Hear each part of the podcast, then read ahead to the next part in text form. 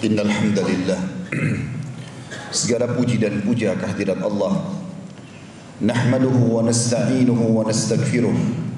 Hanya kepadanya kita memuji meminta pertolongan serta bertobat dari dosa-dosa kita. Wa na'udzu billahi min syururi anfusina. Dan hanya kepada Allah pula kita meminta dijauhkan dari keburukan-keburukan diri kita. Wa min sayyiati a'malina. Dan dari segala dosa yang pernah kita lakukan May yahdihillahu fala mudhillalah. Barang siapa yang telah Allah berikan petunjuk dan hidayah, maka tidak akan pernah sesat selamanya. Wa may yudhilhu fala hadiyalah. Dan barang siapa yang telah Allah sesatkan maka tidak akan mendapatkan petunjuk selamanya. Asyhadu an la ilaha illallah wahdahu la syarikalah wa asyhadu anna Muhammadan abduhu wa rasuluh. Saya bersaksi tiada Tuhan yang berhak disembah kecuali Allah dan Muhammad benar-benar hamba juga utusannya. Qala Allah Ta'ala Allah mengingatkan dalam kitabnya Ya ayyuhalladzina amanu taqullaha haqqa tuqatih wa la tamutunna illa wa antum muslimun. Hai sekalian orang-orang yang beriman, bertakwalah, patulah sebenar-benar bertakwa atau sebenar-benar patuh dan janganlah sekali-kali kalian meninggal dunia kecuali dalam keadaan Islam. Di ayat yang lain Allah juga berfirman, Nasu taqu rabbakum alladhi khalaqakum min nafsin wahidah wa khalaqa minha zawjaha wa batha minhuma rijalan kathiran wa nisaa. Wattaqullaha alladhi tasaaluna bihi wal arham. Innallaha kana alaikum raqiba. Hai sekalian manusia Sekali lagi bertakwalah. Hanya patuh dan tunduklah Kepada satu-satunya pencipta segala sesuatunya Baik di langit, di bumi, di kedalaman lautan Terjangkau atau tidak terjangkau oleh mata kalian Yaitu Allah Yang telah menciptakan kalian dari jiwa yang satu itu Adam alaihissalam Dan juga menciptakan dari jiwa yang satu istrinya Hawa alaihissalam dan telah banyak memberikan keturunan laki-laki juga perempuan dari keduanya. Sekali lagi bertakwalah kepada Allah, hanya tunduk dan patuh kepada Allah dan jaga hubungan silaturahim. Sesungguhnya Allah senantiasa mengawasi kalian. Di ayat yang lainnya Allah juga berfirman, Ya ayyuhalladzina amanu taqullaha wa qulu qawlan sadida. Yuslih lakum a'malakum wa yaghfir lakum dhunubakum.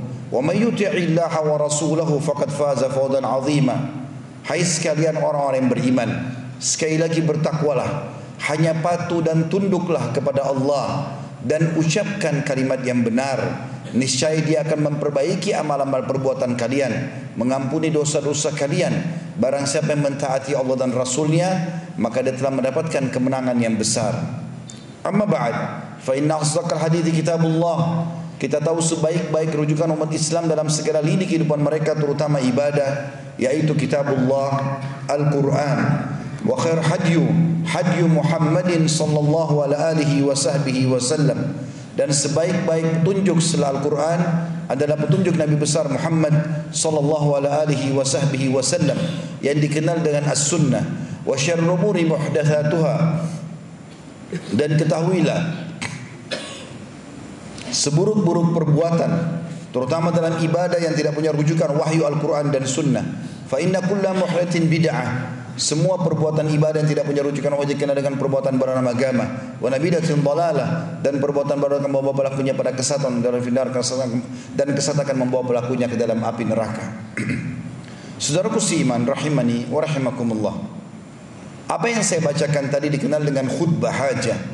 Baginda Nabi alaihi salatu wassalam tidak pernah melewatkan momen-momen penting baik ingin mengutus pasukan memberikan nasihat-nasihat dan wasiat kepada umatnya kecuali memulai dengan khutbah haja bagaimana beliau mengingatkan tiga ayat pentingnya seseorang muslim agar selalu patuh kepada Allah dan juga mengingatkan agar dalam ibadah mereka kembali kepada Al-Quran dan Sunnah pada kesempatan ini kita akan membahas tentang masalah pondasi agama saudaraku seiman Seorang muslim memiliki pondasi dasar dalam ibadah dalam dalam kehidupan dia.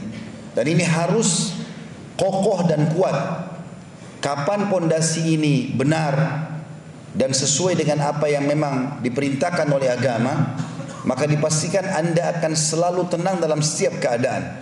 Mau dalam keadaan sehat, sakit, muda, tua, punya pendapatan pekerjaan atau tidak punya pendapatan, apa pun rintangan hidup ini akan bisa dilalui. yaitu keyakinan.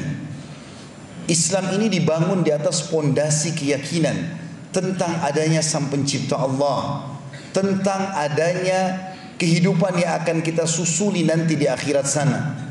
Ini pondasi dasar sekali. Nabi Muhammad SAW 13 tahun di Mekah, 10 tahun pertama belum ada perintah sholat, belum ada perintah puasa, belum ada perintah jihad, belum ada perintah haji. Yang ada pada saat itu adalah penanaman akidah. Dan penanaman pondasi keyakinan ini selalu ditekankan oleh Nabi sallallahu alaihi wasallam. Yakinilah Tuhan kalian Allah dan istiqamalah. Sampai seorang sahabat pernah bertanya ya Rasulullah, beritahukan kepada saya ketentraman hidup itu tentang Islam yang saya tidak perlu tanya lagi kepada selain Anda. Kata Nabi sallallahu alaihi wasallam, "Qur rabbi Allah, thumma istaqim." Ikrarkan dengan fikiranmu, ucapkan dengan lisanmu, yakini dengan hatimu sebagai pondasi kehidupanmu bahwasanya Tuhanku ada satu Allah, pencipta langit dan bumi dan apa pun yang ada di dalamnya dan di atas langit sana ataupun di bawah di kedalaman lautan ataupun di dalam bumi tidak ada pencipta dan pemiliknya kecuali Allah. Lalu istiqamalah, yakin dengan itu kemudian jalanlah di muka bumi ini dengan perintah-perintah dan juga larangannya. Makin genting sebuah keadaan, maka makin muncul dan terlihat keyakinan seorang muslim.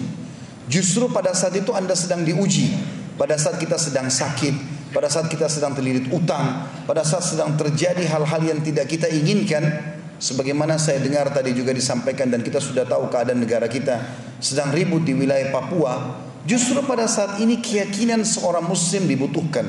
Pondasi ini harus ada. Kita lihat misalnya setiap hari Jumat yang sangat ditekankan oleh untuk dibaca oleh setiap muslim adalah surah Al-Kahfi. Surah Al-Kahfi ini adalah asas keyakinan bagi seorang muslim. Setiap Jumat kita disuruh baca. Bahkan kata Nabi SAW siapa yang membaca Al-Kahfi di malam Jumat, Allah akan berikan cahaya antara dia dengan Ka'bah. Kemudian dalam riwayat lain siapa yang membaca Al-Kahfi di hari Jumat dia akan selamat dari fitnah Dajjal. Di Al-Kahfi apa yang sedang diceritakan? Di beberapa ayat pertama adalah keyakinan yang dibangun oleh Allah Subhanahu wa taala. Bagaimana seseorang muslim yakin Al-Quran ini benar Lalu berpegang teguh pada apa yang ada di dalamnya. Baik informasi ataupun hukum-hukum Yang sudah terjadi sebelumnya Yang sedang terjadi di zaman sekarang Dan yang akan terjadi di masa akan datang. Dan semua yang dibutuhkan dalam roda kehidupan di muka bumi ini Dari sisi sosialnya, ekonominya, politiknya Semuanya ada dalam Al-Quran Kemudian mulailah Allah Subhanahu wa taala memberikan gambaran tiga kisah yang unik sekali. Kisah tentang Ashabul Kahfi. Tujuh orang anak muda yang beriman kepada Allah di zaman pada saat itu orang semuanya tidak ada yang beriman kepada Allah. Lalu untuk membawa keyakinan mereka ini bahwasanya memang ada Tuhan Allah, mereka selamatkan diri ke gua. Dan akhirnya Allah Subhanahu wa taala dengan kayak itu menyelamatkan mereka. Allah tidurkan mereka 309 hari di dalam gua tersebut dalam kondisi tubuh mereka tidak rusak dan Allah suruh kita ulang-ulangi kisah itu setiap Jumat renungi kisah itu bahwasanya keyakinan akan membawa kepada keselamatan terutama kepada Allah Subhanahu wa taala atau keyakinan kepada Allah Subhanahu wa taala Kisah yang lain juga Allah ceritakan tentang perjalanan Nabi Musa dengan Nabi Khidir alaihi wassalatu wassalam. Bagaimana Nabi Musa alaihi salam pada saat berkata, "Saya adalah orang terpintar atau yang paling memahami hukum Allah di muka bumi." Maka Jibril AS datang pada saat itu menyampaikan, Hai Musa, bukan kau orang yang paling mengetahui hukum Allah, tapi masih ada hamba Allah yang mengetahui dan Allah menyuruh kau mencarinya. Maka mulailah diceritakan dalam surah Kahfi bagaimana Musa AS jalan mencari Khidir. Lalu pada saat bertemu dengan Khidir, dia minta, Semoga engkau bisa mengajarkan kepadaku ilmu yang Allah ajarkan kepadamu. Apa kata Khidir? Tentang masalah pondasi keyakinan. Boleh kau belajar dengan aku, tapi dengan syarat. Jangan bertanya apa yang aku lakukan sampai aku yang jelaskan. Maka kata Musa, baik saya ingin. Saya boleh jalankan itu. Kata kata Khidir, bagaimana kau bisa meyakini itu atau menjalani itu sementara kamu sendiri tidak akan bisa sabar melihat sesuatu yang belum pernah masuk di benak kamu. Dia mengatakan saya coba bersabar. Maka terjadilah sesuatu yang unik pada saat itu. Dalam Al-Quran dan surah Kahfi diceritakan Khidir naik di atas sebuah kapal dengan Musa alaihi wassalatu wassalam. Lalu tiba-tiba Nabi Khidir membolongi kapal-kapal pelayan. Padahal mereka orang miskin. Lalu Musa bertanya, Hai Khidir, kenapa kau bolong-bolongin kapalnya para nelayan ini? Apa dosa mereka? Bukankah mereka orang miskin? Kata Khidir, bukankah sudah saya katakan jangan kau tanyakan apa yang saya lakukan sampai saya jelaskan? Maka kata Musa, baiklah saya minta maaf. Lalu berjalan lagi sebentar beberapa langkah, di, turun turun di sebuah lembah atau di sebuah kota atau sebuah desa, tiba-tiba Nabi Khidir menangkap seorang anak kecil lalu membunuhnya. Maka Musa AS bertanya lagi, bagaimana bisa kau bunuh seorang anak kecil yang belum berdosa, belum balik?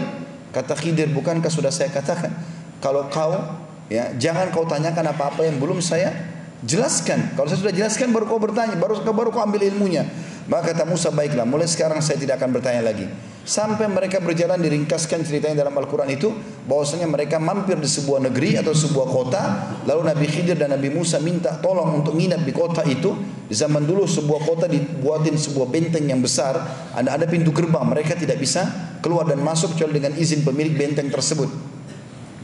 Maka pada saat itu pun mereka menolak karena Musa dan Khidir dianggap orang asing di situ. Mereka tidak mau kedua orang ini nginap di situ. Maka yang terjadi Khidir pun pada saat mau keluar melihat ada tembok mau rubuh oleh Nabi Khidir disentuh tembok tersebut tiba-tiba jadi bagus kembali. Nabi Musa AS cuma kasih masukan saja. Lalu berkata wahai Khidir, kalau kau mau cukuplah perbaikan tembok ini kita minta sebagai balasan jasa supaya kita diizinkan nginap di tempat ini. Kata Khidir AS, saya sudah katakan hai Musa. Sekarang saatnya kita berpisah. Saya sudah bilang jangan jangan jangan menjelaskan apa pun atau bertanya sebelum saya jelaskan. Maka kata Khidir, maka sekarang saya akan jelaskan kepadamu kenapa saya lakukan ketiga perbuatan tersebut yang membuat kau tadi kaget itu. Yang pertama, saya membolongi kapal-kapal para nelayan yang miskin itu karena Allah telah memberikan kepada saya mukjizat, berita karena Khidir juga seorang nabi bahwasanya di situ ada raja zalim yang suka mengambil secara paksa kapal-kapal nelayan dan kalau dia melihat ada bolongan saja sedikit dia tidak akan mengambil kapal tersebut.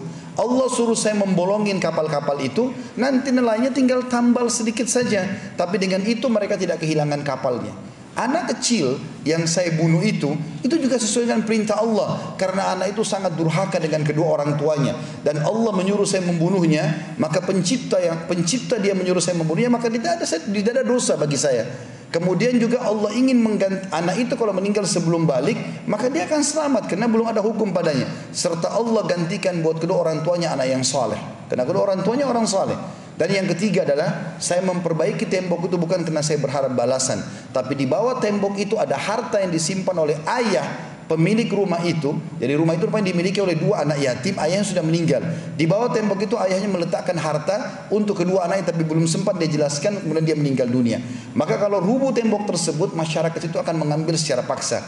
Maka saya disuruh oleh Allah perbaiki tembok tersebut sampai sudah bagus tembok itu barulah kemudian nanti satu waktu kalau mereka dewasa Allah rubuhkan harta itu akan dimiliki oleh anak yatim tersebut.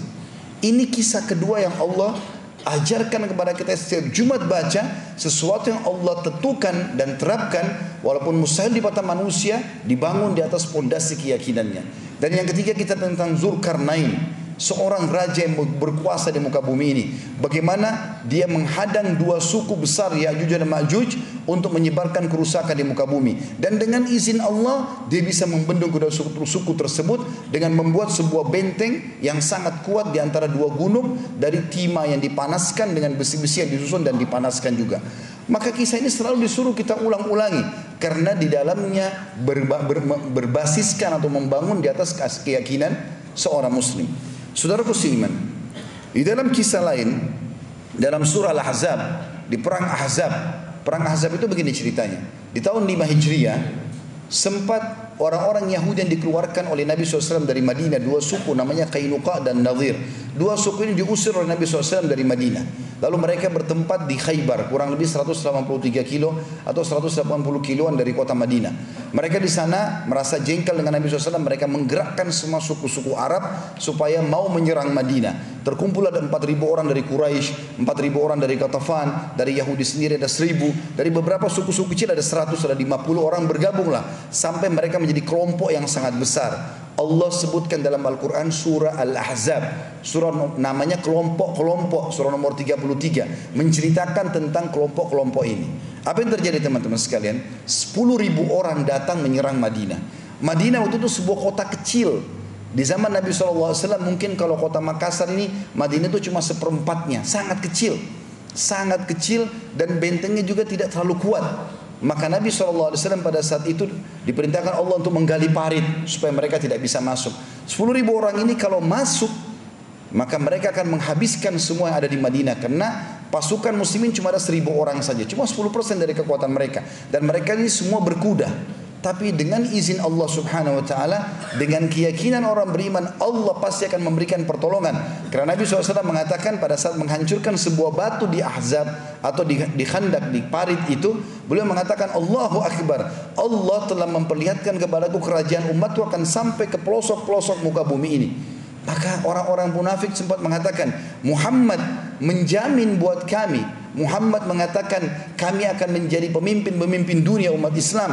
Sementara sekarang pasukan Quraisy dan Ahzab di depan mata kami, kami bahkan tidak punya keamanan untuk pergi ke kamar kecil atau keluar dari rumah kami. Maka orang-orang beriman pada saat itu mengatakan hasbunallah wa ni'mal wakil.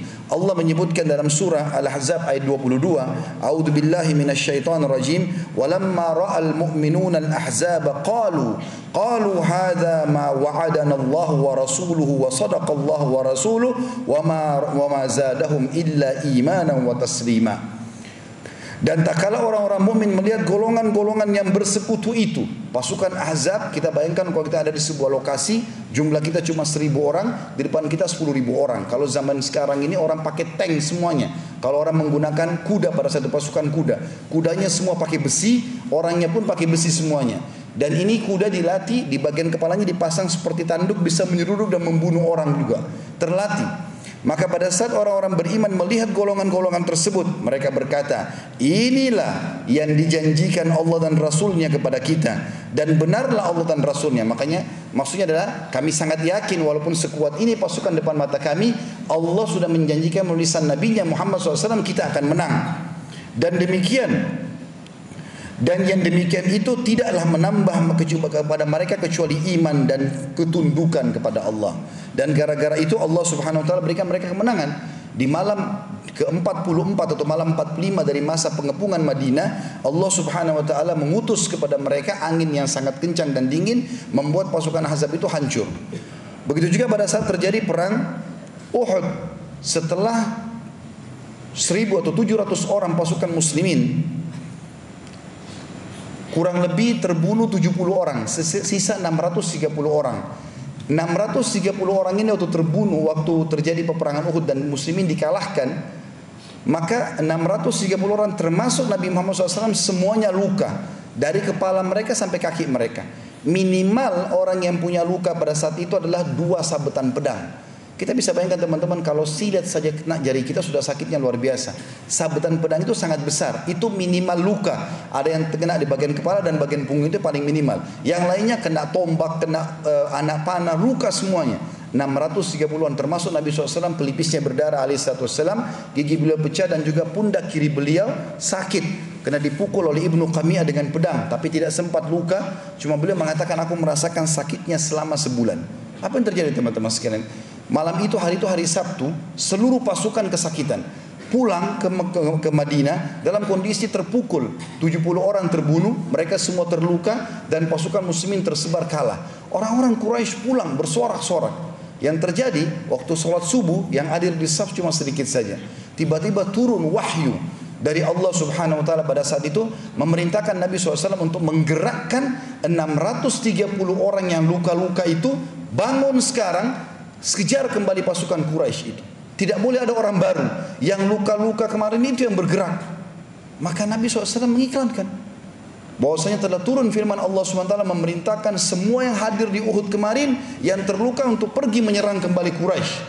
Subhanallah, ini ujian yang sangat berat. Kita bisa bayangkan teman-teman kadang-kadang mungkin kaki kita kena bling saja, mungkin kita sudah tidak bisa hadir subuh di masjid. Tapi bagaimana para sahabat dari kepala sampai kaki semuanya luka, begitu tersebar di depan-depan rumah mereka, wahai muslimin yang hadir kemarin di Uhud, Nabi SAW memerintahkan kalian semua untuk mengejar Quraisy. Tidak ada satupun yang tinggal di rumah mereka. Sampai ditunggil sebuah kisah, dua orang anak muda yang satu 15 tahun, yang satu 16 tahun luka dari kepala sampai di kakinya. Kemudian mereka berdua tidur di atas ranjang dan ditempelin dengan daun-daun oleh ibu mereka kena mengobati luka-luka mereka. Baru semalam ini kalah dari peperangan. Maka mereka berdua mendengarkan ada satu orang teriak dari depan rumah, wahai muslimin yang hadir kemarin di Uhud, Rasulullah SAW menyuruh kalian berkumpul dan menyerang kembali Quraisy. Maka si kakak berkata pada adiknya, bagaimana kita bisa tinggal di ranjang ini sementara panggilan Rasulullah SAW sudah dikumandangkan. Kata adiknya, bagaimana kita bergerak? Semua badan kita dari kepala sampai kaki luka. Kata si kakak, saya akan menyeretmu sesaat dan kau seret aku sesaat. Maka dua-duanya saling seret menyeret di jalan Madinah sampai bergabung dengan pasukan muslimin yang membuat hampir satu kota Madinah meneteskan air mata. Dengan penuh keyakinan mereka kalau ini adalah perintah Allah dan Rasul dan pasti akan ada kemenangan. Bayangkan dari seluruh kepala sampai kaki luka. Maka mereka 630 orang bersama Nabi SAW berkumpul. Waktu Nabi SAW lihat Nabi SAW sambil netes air mata berkata, sungguh dengan inilah Allah berikan kemenangan. Maka mereka mengejar Quraisy sampai tiba di sebuah tempat namanya Hamrat Asad. Kurang lebih jaraknya 80 km dari kota Madinah. Pas tiba di sana Quraisy mendengarkan 2.800 orang pasukan Quraisy mendengar masalah itu. Sebenarnya mereka 3.000 orang. Kurang lebih 2.940 orang, presiden 60 orang mereka mati. Maka pada saat itu mereka mau kembali, mereka berpikir, ini siapa ini yang kembali? Apakah Muhammad membawa pasukan baru? Mereka kirim surat kepada pimpinan munafik Ubaidillah bin Abi Salul di Madinah. Lalu mereka mengatakan, ini yang berangkat sama Muhammad pasukan baru atau pasukan yang kemarin? Maka orang munafik menulis surat mengatakan itu pasukan kemarin. Justru ternyata dengan perbuatan ini orang-orang Quraisy mengatakan sungguh tidak mungkin orang yang terluka keluar ingin berperang kecuali mereka ingin balas dendam. Mereka sudah siap mati. Maka karena itu orang-orang Quraisy tidak berani untuk kembali dan memerangi kaum muslimin. Dan akhirnya Nabi SAW tinggal di Hamrat Asad selama tiga hari dan membuktikan kepada dunia pada saat itu kalau muslimin tidak berani, tidak takut untuk mati. Dan dengan keyakinan ini Allah Subhanahu Wa Taala turunkan firman-Nya di dalam surah Al Imran ayat 174 sampai 107 173 sampai 174 yang bunyinya a'udzu billahi minasyaitonir rajim alladzina qala lahumun nasu innan nasa qad jama'u lakum fakhshawhum fazadahum imanan wa qalu hasbunallahu wa ni'mal wakil fanqalabu bi ni'matin minallahi wa fadlin lam yamsashum su' wattaba'u ridwanallah wallahu dzu fadlin azim. Yang artinya Allah berfirman Orang-orang yang mentaati Allah dan Rasulnya Mereka para sahabat tadi yang bangkit untuk pergi ke Hamrat Asad. Dan kepada mereka orang-orang Pada saat orang-orang pada mengatakan Jadi rupanya itu tuh orang Quraisy Mengutus satu orang yang punya lisan Bisa berbicara dan suaranya lantang Mengatakan kepada pasukan muslimin Pulanglah percuma kalian datang Karena sungguhnya pasukan Quraisy akan datang dan membabi buta Dan akan membunuh kalian semua. Ternyata pada saat utusan Quraisy berteriak-teriak begitu di pasukan muslimin, maka mereka mengatakan sesungguhnya orang-orang Quraisy telah mengumpulkan pasukan untuk menyerang kalian. Karena itu takutlah kepada mereka. Maka perkataan itu hanya menambah keimanan para sahabat, keimanan mereka muslimin dan mereka mengatakan cukuplah Allah menjadi penolong kami dan Allah adalah sebaik-baik penolong atau pelindung. Maka mereka kembali dengan nikmat dan karunia yang besar dari Allah. Mereka tidak ditimpa satu bencana dan mereka mengikuti keridhaan Allah dan Allah mempunyai karunia yang besar. Maksudnya adalah pada saat itu mereka kena tinggal selama tiga hari di sana, tiga hari di sana dan Quraisy tidak berani kembali. Maka yang tadinya mereka sudah patah semangat untuk berjihad dan berperang, kembali lagi bangkit karena Allah kena mengikuti perintah Allah dan yakin Allah Subhanahu Allah Subhanahu wa taala dan rasulnya akan memberikan kemenangan kepada mereka. Disebutkan dalam sebuah kisah bahwasanya Nabi Ibrahim alaihissalam pada saat melihat api yang dibakar oleh Namrud dan akan dilempar ke dalam Assalamualaikum untuk pemesanan paket umroh murah bisa menghubungi 0821 4196 0857 Kami ulangi sekali lagi untuk pemesanan paket umroh murah bisa menghubungi 0821 4196 0857 Sekali lagi 0821 4196 0857 Terima kasih. Api kita bisa bayangkan kalau kita di posisi semuanya orang lagi berkumpul satu kota, kita lagi dirantai, kemudian diseret di depan orang-orang, di depan kita ada api dikatakan api yang dibakar oleh Namrud itu kalau lewat burung di atasnya tiba-tiba jadi hangus karena besarnya dan bisa terlihat dari seluruh penjuru e, wilayah Babilonia pada saat itu wilayah Irak karena besarnya api tersebut. Digiring Ibrahim AS dibawa dan akan dilempar ke dalam api tersebut. Kira-kira apa yang akan terjadi? Apa yang kita lakukan? Namrud cuma mau kau katakan aku Tuhanmu, bukan Allah. Itu saja, maka selamat dari api ini. Tapi Ibrahim AS dikatakan dalam hadis yang sahih dari Ibnu Abbas radhiyallahu bahwasanya beliau berkata, Hasbunallah wa ni'mal wakil. Qalaha Ibrahim alaihissalam hina ulkiya fin nar wa qalaha Muhammadun hina qalu inna an-nasa qad jama'u lakum fakhshawhum fazadahum imana wa qalu hasbunallah wa ni'mal wakil.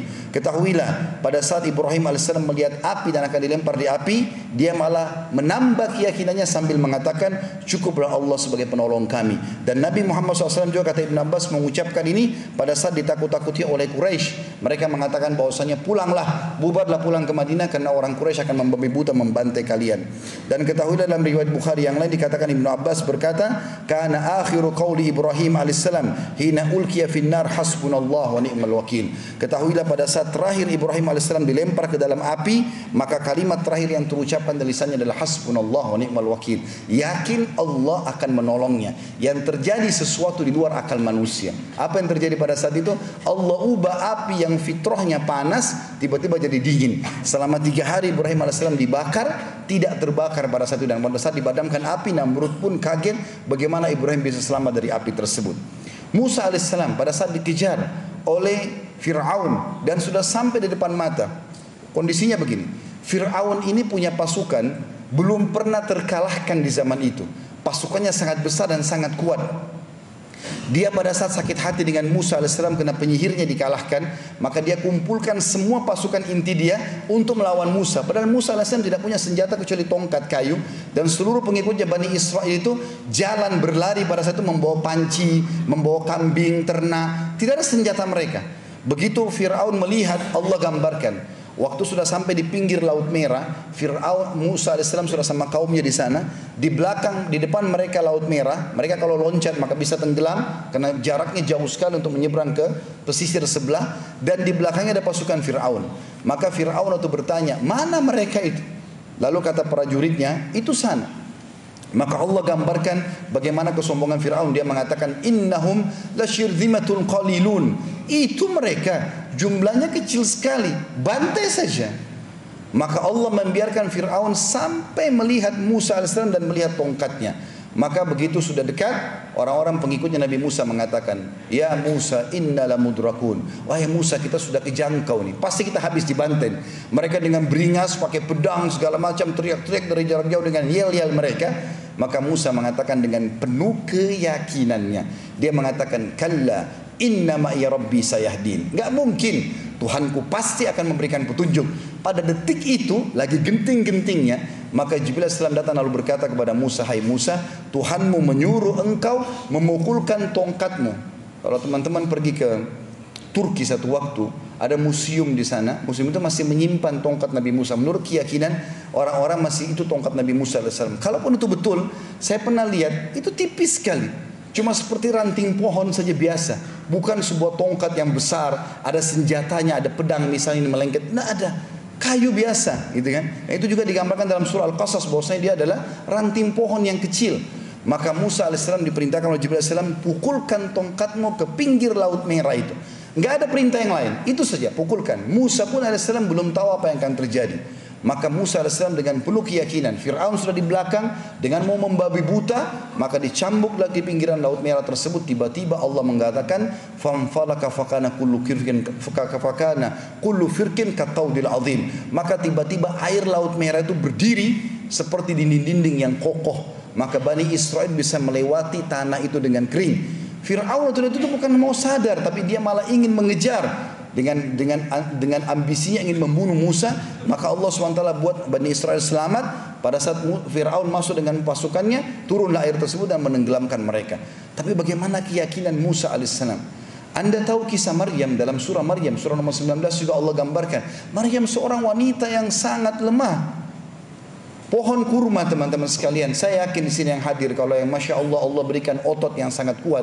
Siapa di antara anda yang besar ototnya ini bisa menggoyahkan pohon kurma, menggoyangkan pohon kelapa? Susah sekali. Tapi Allah gambarkan pada saat Maryam alaihissalam hamil Isa alaihissalam dan berada di bawah pohon dan dia sudah merasa kesakitan mau melahirkan, Allah mengatakan wahuzzi ilaiki bijiz'in nakhla tusakit alaiki rutoban jania.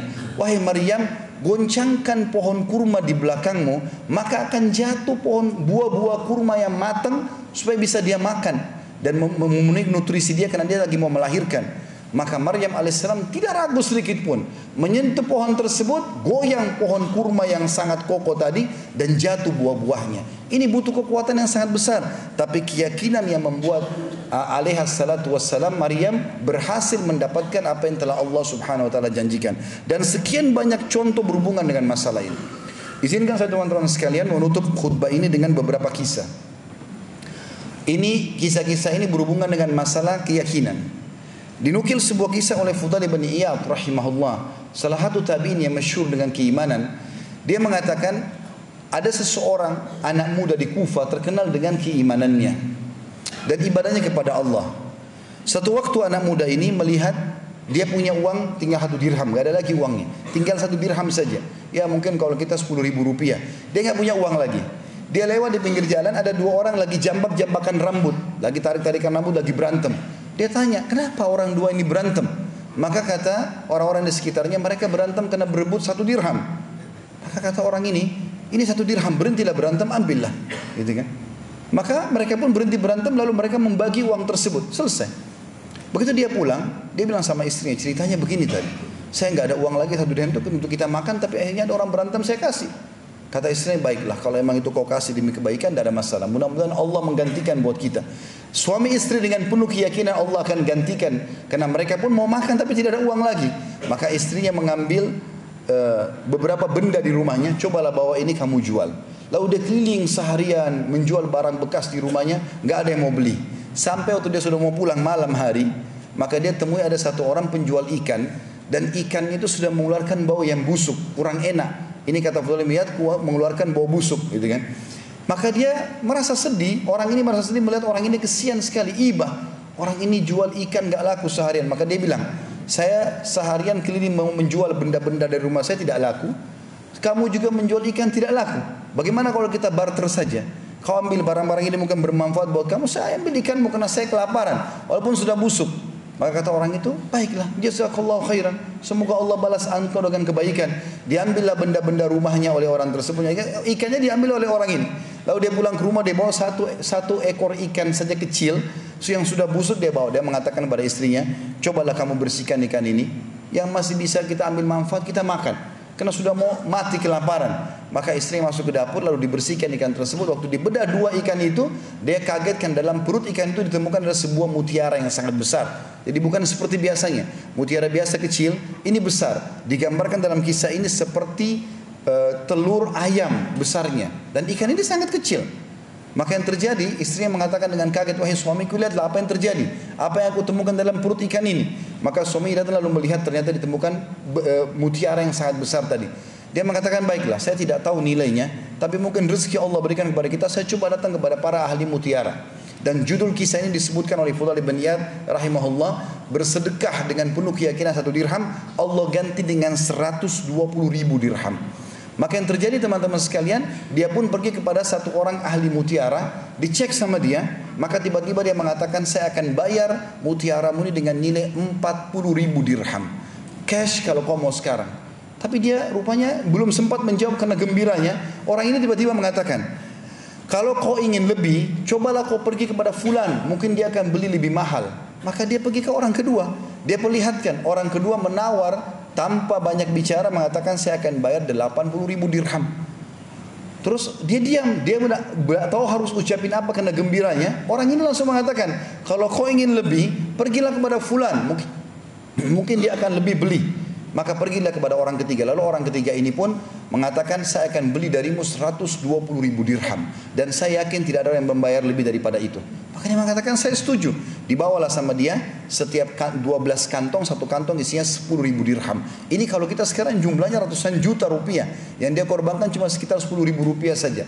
Lalu kemudian dia bawa pulang ke rumahnya, dia mengatakan pada istrinya ini loh kisahnya yang terjadi. Maka dengan istrinya bersyukur kepada Allah. Baru duduk cobaan Allah datang lagi. Diketuk pintunya oleh seseorang fakir. Lalu orang fakir ini mengetuk pintunya mengatakan saya sudah seharian tidak makan. Maka dia mengatakan dalam dirinya sungguh orang ini telah tertimpa apa yang menimpaku. Maka dia bilang masuklah. Saya baru dapat rezeki ini 120 ribu dirham. Dia bilang semua sama orang miskin itu. Maka saya dulu seperti kamu keadaannya kemarin. Ambillah setengah kita bagi dua.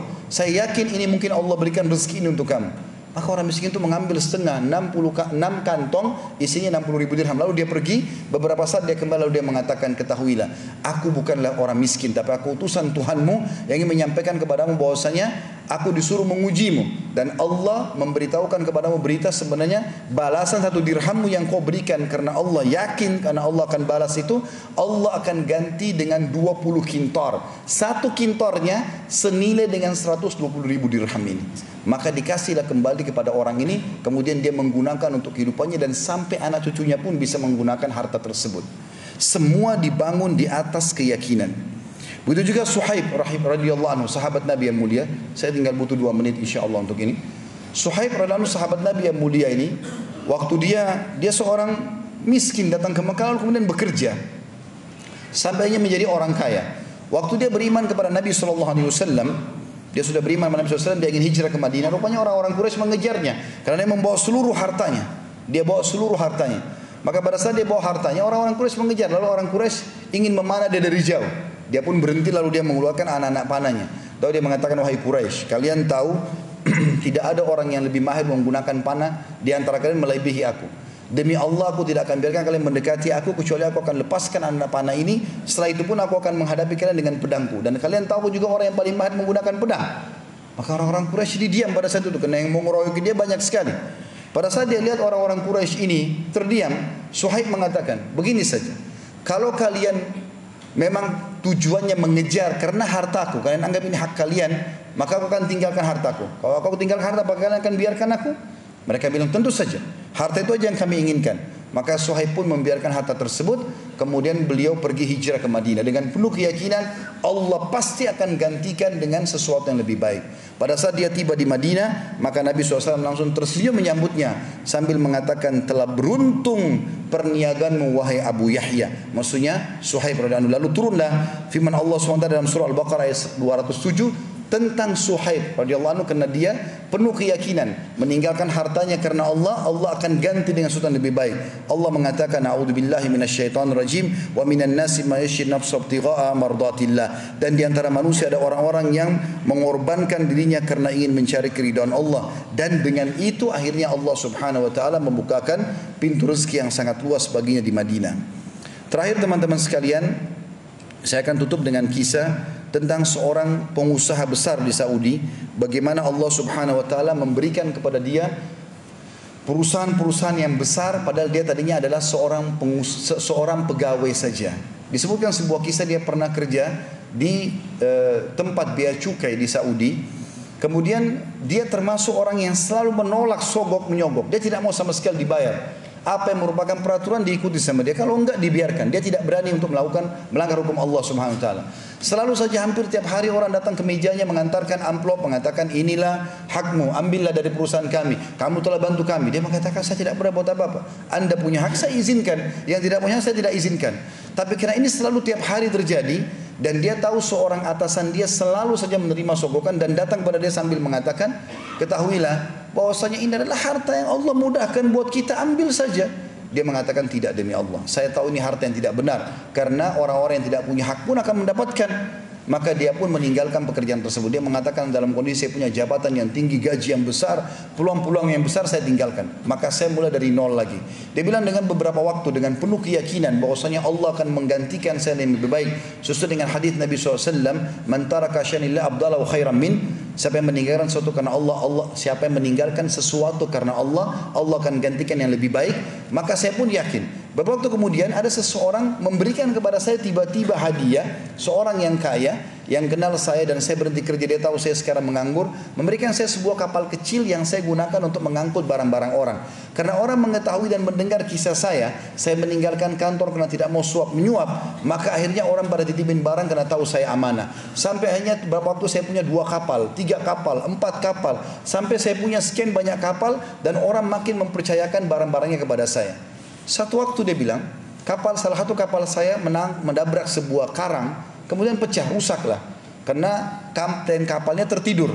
Lalu ada kebetulan pada saat kasus terjadi ada satu polisi yang datang kemudian polisi di laut itu kemudian datang dan ingin menengahi permasalahan. Lalu saya mengatakan tidak perlu. Saya sudah memaafkan orang ini. Maka polisi itu pun kaget kenapa kok begitu mudah saya memaafkan? Lalu saya membacakan firman Allah SWT wal afina anin nas. Dan Allah suka dengan orang-orang yang memaafkan orang lain. Dan dia tidak sengaja dia tertidur. Maka polisi ini pun kagum gitu maka berjalan waktu dia bilang saya tinggalkan usaha saya makin jalan maka kepala polisi tersebut tiba-tiba punya jabatan yang tinggi di kerajaan Saudi dan akhirnya dia punya banyak sekali eh, kapal-kapal yang akan masuk melalui pelabuhan Saudi. Dia bilang maka dia mengingat saya pada saat itu lalu dia tidak memberikan izin untuk masuk kecuali melalui saya saja. Dan akhirnya Allah bukakan rezeki yang luar biasa hanya karena meninggalkan sesuatu yang haram.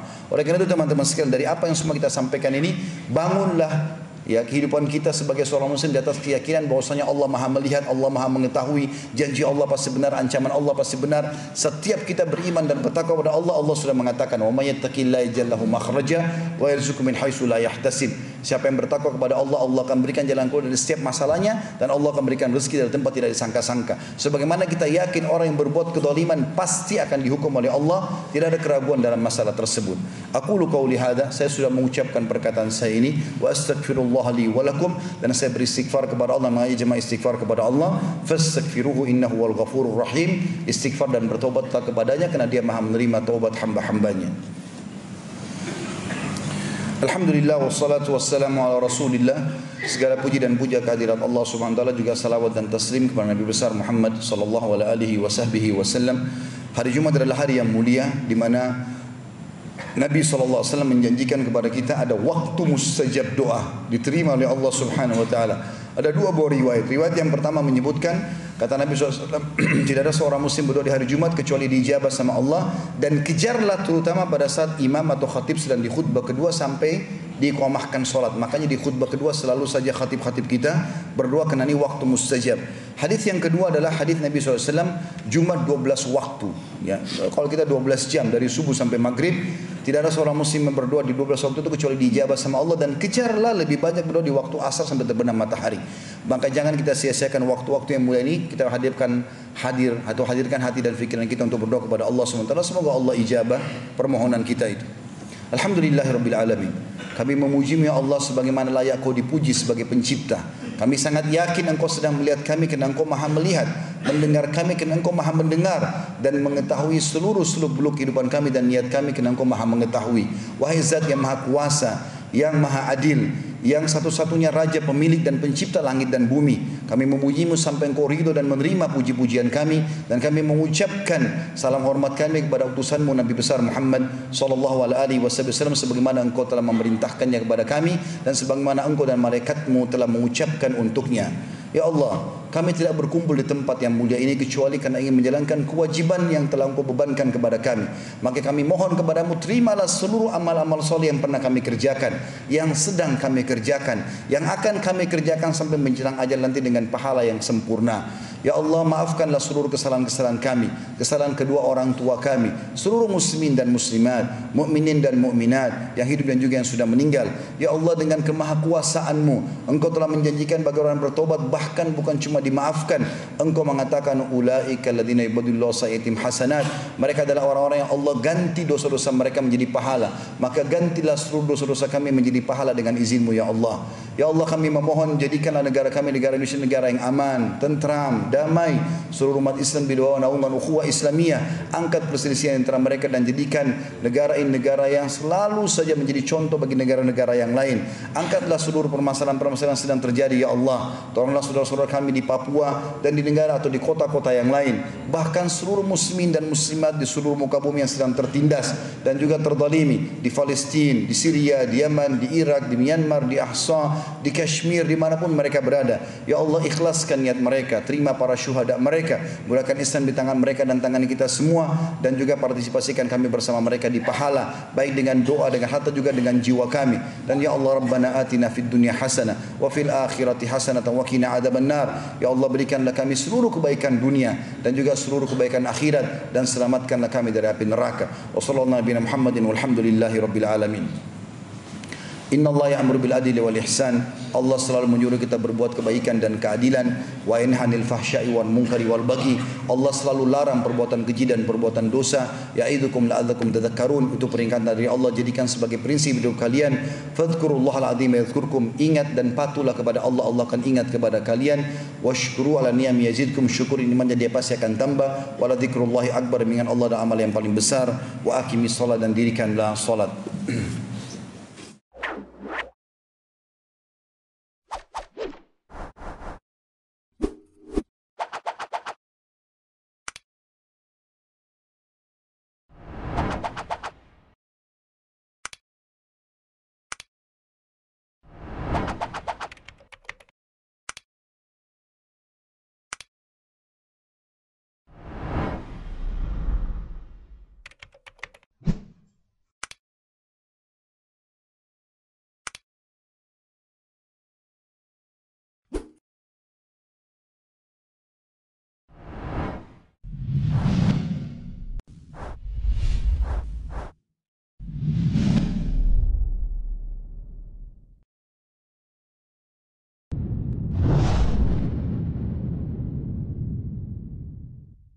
Assalamualaikum.